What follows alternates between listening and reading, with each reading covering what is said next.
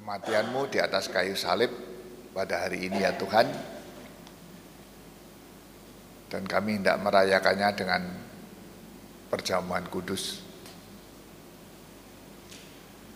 Ya Tuhan, oleh sebab itu layakkanlah kami karena salah satu makna dari kematianmu adalah di dalamnya terkandung pemahaman tentang pengampunan dosa. Oleh sebab itu, biarlah salibmu itu benar-benar dapat mengampuni segala dosa yang telah kami lakukan, menyucikan kami dan membaharui kami. Dan sebelum kami memasuki perjamuan ini, di mana Tuhan sendiri yang mengundang, kami tidak merenungkan sebagian dari firman-Mu dan biarlah Roh Kudus yang menguasai hati dan pikiran kami. Ya Tuhan berfirmanlah kami siap untuk mendengar. Kami naikkan doa kami hanya dalam nama Tuhan kami Yesus Kristus. Amin.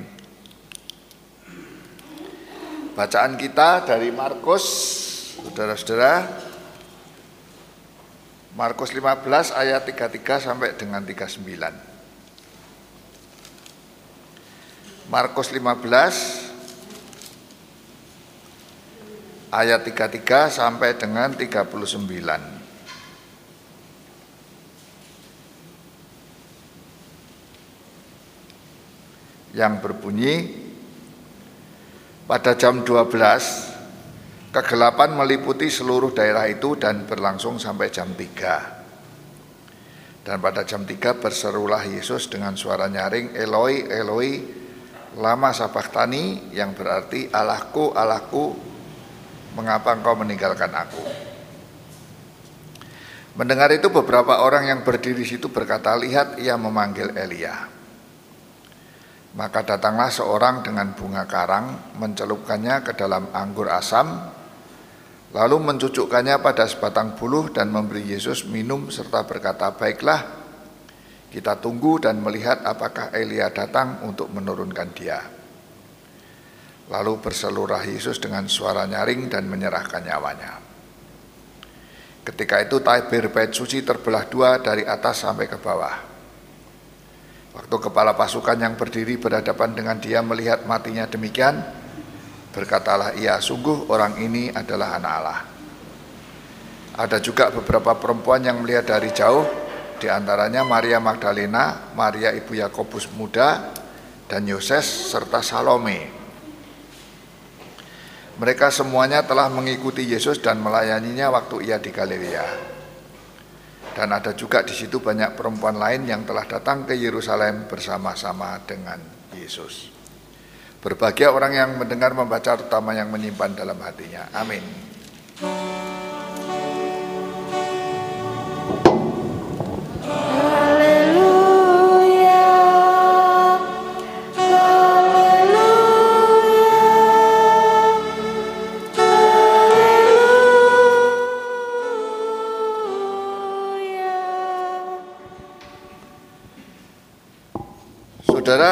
Markus menulis Injilnya dengan kalimat pertama, inilah permulaan Injil tentang Yesus Kristus anak Allah. Inilah permulaan Iu Angelion dalam bahasa Ibrani-nya, eh, bahasa Yunani-nya Injil itu Iu Angelion. Injil yang sudah sering saya jelaskan artinya kabar gembira Inilah permulaan kabar gembira tentang Yesus anak Allah. Itulah sebabnya minggu yang lalu saya mengatakan renungan-renungan saya belakangan ini tidak bersifat pitutur tetapi hanya bersifat informatoris. Karena Injil itu memang kabar gembira. Kabar itu kalau diterjemahkan dengan bahasa yang sekarang informasi yang menggembirakan. Nah, saya mau kembali kepada eh, esensi dari Injil yaitu kabar gembira, maka saya hanya memberi kabar, memberi informasi saja, tidak lagi pitutur. Dan disebut kabar gembira,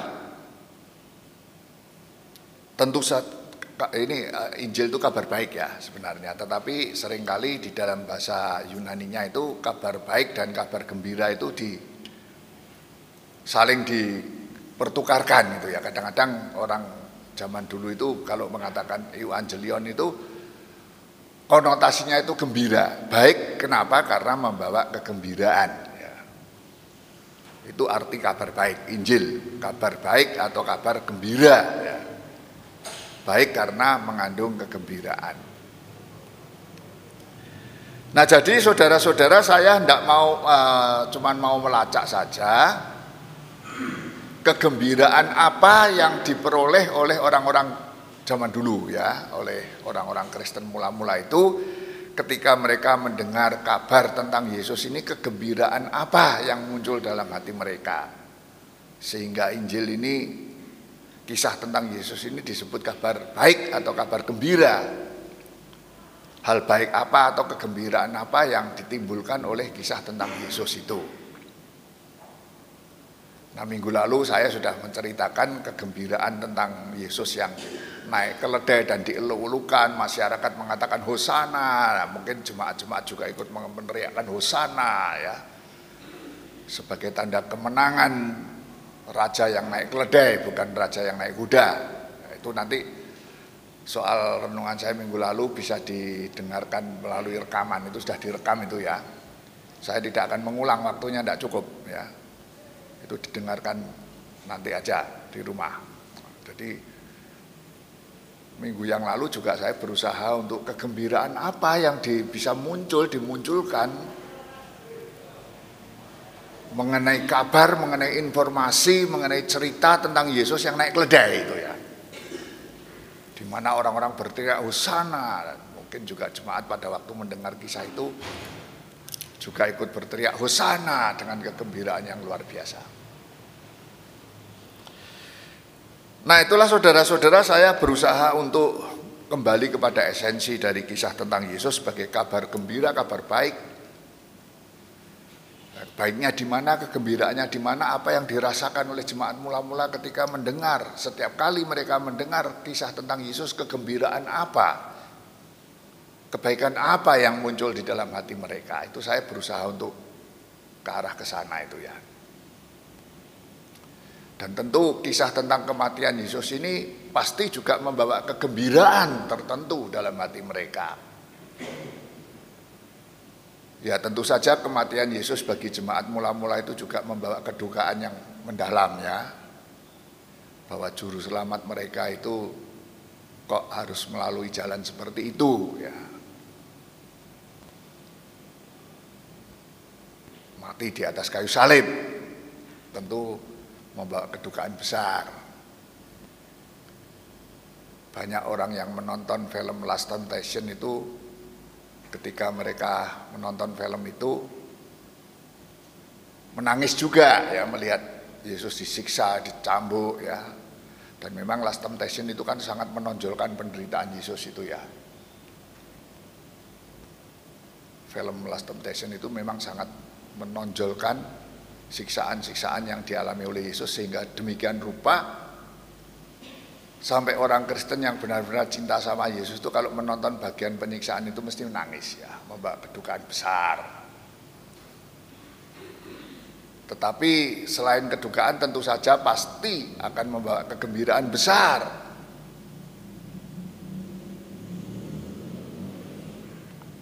Karena kisah tentang kematian Yesus ini pun kisah-kisah tentang Yesus ini bukan diceritakan kepada orang yang belum pernah mendengar tentang Yesus.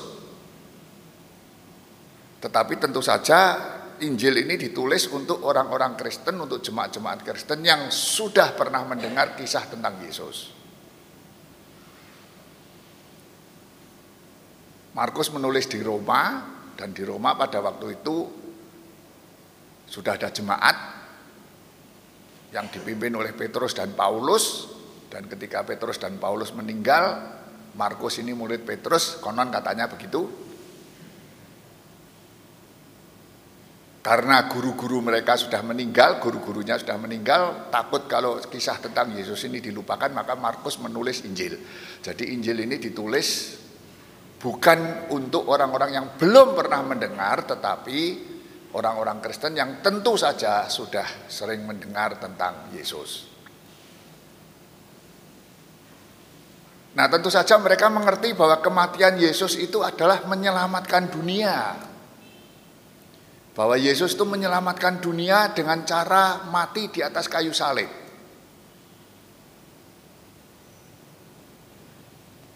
Oleh sebab itu kematian Yesus selain membawa kedukaan yang besar, tentu membawa kegembiraan yang besar juga. Karena orang Kristen tentu merasa mempunyai juru selamat yang benar, juru selamat yang sejati meskipun caranya menyelamatkan dunia dengan mati di atas kayu salib. Jadi antara duka dan gembira itu bercampur jadi satu.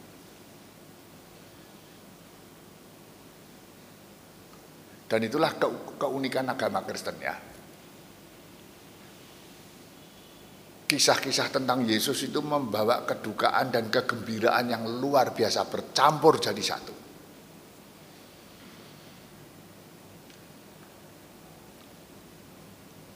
Kedukaan dan kegembiraan yang bercampur menjadi satu itu menjadikan kedukaannya kedukaan yang bermutu.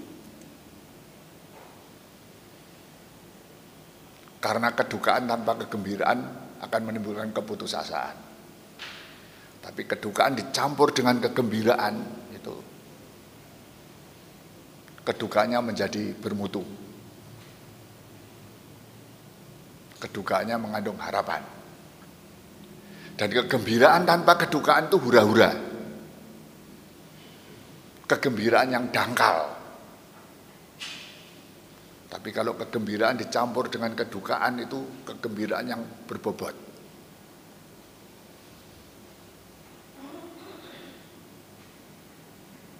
Mungkin itulah yang dirasakan oleh jemaat mula-mula setiap kali mereka mendengar tentang Yesus dan juga mendengar tentang Yesus yang disalibkan ini kedukaan bercampur kegembiraan apalagi di dalam Markus 15 itu diceritakan seperti ini saudara-saudara. Ya. Waktu kepala pasukan yang berdiri berhadapan dengan dia melihat matinya demikian berkatalah ya sungguh orang ini adalah anak Allah. Nah akan saya singgung sedikit khotbah minggu yang lalu itu Markus itu menulis pada zaman Vespasianus. Vespasianus itu dari keluarga tentara. Dialah yang memadamkan pemberontakan sipil yang ada di Roma. Jadi pada waktu Markus menulis ini ter, terjadi pemberontakan pemberontakan sipil. Ada tiga raja yang bersaing ya untuk merebut kekuasaan setelah Nero bunuh diri, lalu terjadilah persaingan kekuasaan. Dan akhirnya yang menang Vespasianus. Vespasianus yang membawa damai kepada kota Roma. Dan Vespasianus mengeklaim dirinya sebagai juru selamat dunia. Juru selamat Roma artinya juru selamat dunia. Dan penduduk Roma percaya. Vespasianus ini dari keluarga tentara, Tetapi ternyata ada beberapa anggota keluarga Vesianus yang kemudian menjadi Kristen.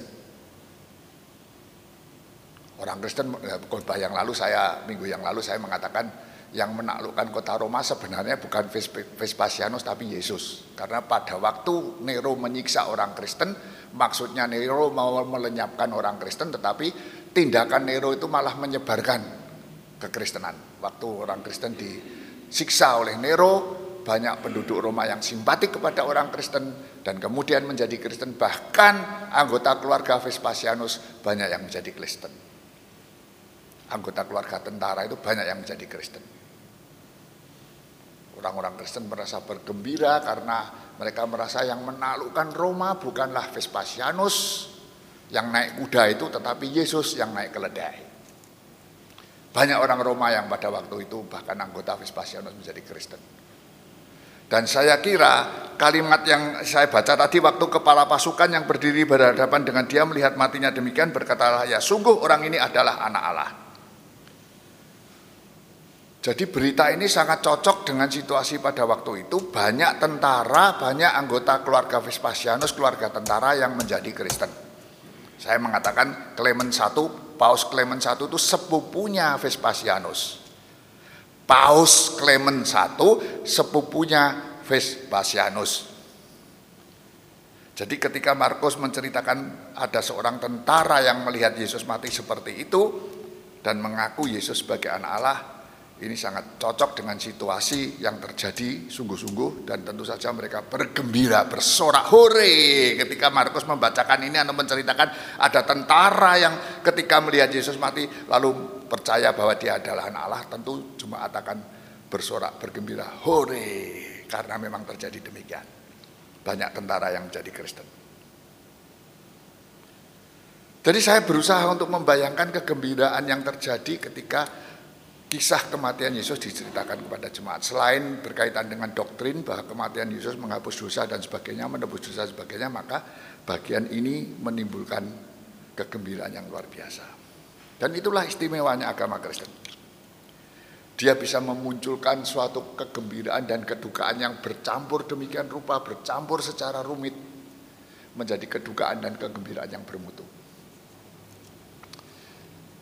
Saya kira, saya berharap mudah-mudahan yang tua mengerti perasaan ini ya. Yang lanjut usia. Sudah berapa bulan tidak boleh ibadah berduka. Tetapi ketika perja, apa, Jumat Agung ini kematian Yesus mereka masih ada kesempatan ikut perjamuan kudus ya ada duka ada kegembiraan mudah-mudahan ini bisa dipahami itu ya karena ini unik ya Agama Kristen memunculkan perasaan duka dan gembira yang bercampur jadi satu. Seperti lansia-lansia yang sudah berapa bulan tidak ibadah tapi sekarang bisa ikut perjamuan kudus ya. Minggu depan mungkin yang lansia tidak boleh ibadah lagi. Susah, tapi ada kegembiraan karena hari ini bisa ikut perjamuan kudus. Mudah-mudahan ini perasaan ini sama dengan perasaan jemaat mula-mula ya ada kedukaan dan ada kegembiraan yang bercampur jadi satu. Dan itu bermutu ya. Kedukaan tanpa kegembiraan putus asa. Kegembiraan tanpa kedukaan hura-hura. Ya. amin. Terima kasih Tuhan atas undangan Tuhan untuk memperingati kematian Tuhan di dalam perjamuan kudus ini. Dan sudah kami renungkan bahwa peristiwa-peristiwa ini memang menimbulkan suatu perasaan-perasaan yang rumit namun berbobot dan bermutu. Perasaan duka yang bercampur dengan kegembiraan demikian rupa. Dan biarlah seperti yang telah kami ungkapkan biarlah ini semua membuat hidup kami menjadi lebih berkualitas lagi. Kami mau berdoa biarlah kegembiraan yang para lansia rasakan karena beberapa bulan sudah tidak bisa berbakti hari ini. Kegembiraan yang dirasakan mereka hari ini Tuhan berkati juga.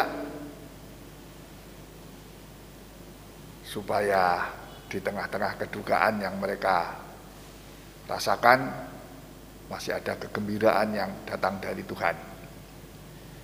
Dan duka dan gembira yang mereka rasakan pada hari ini biarlah juga membuat hidup mereka menjadi lebih berkualitas lagi. Tuhan kami berdoa untuk segala usaha yang kami lakukan di tengah kesusahan hidup ini, di tengah pandemik ini, kami percaya bahwa Tuhan tidak tinggal diam. Tuhan tentu akan memberi, membuka jalan bagi setiap orang yang memohon kepada Tuhan. Sebentar lagi kami juga akan akhiri ibadah kami dan kembali kami akan kembali ke kegiatan kami masing-masing. Kami berdoa untuk mereka yang hari ini tidak sempat berbakti bersama kami. Biarlah berkat Tuhan juga tercurah bagi mereka.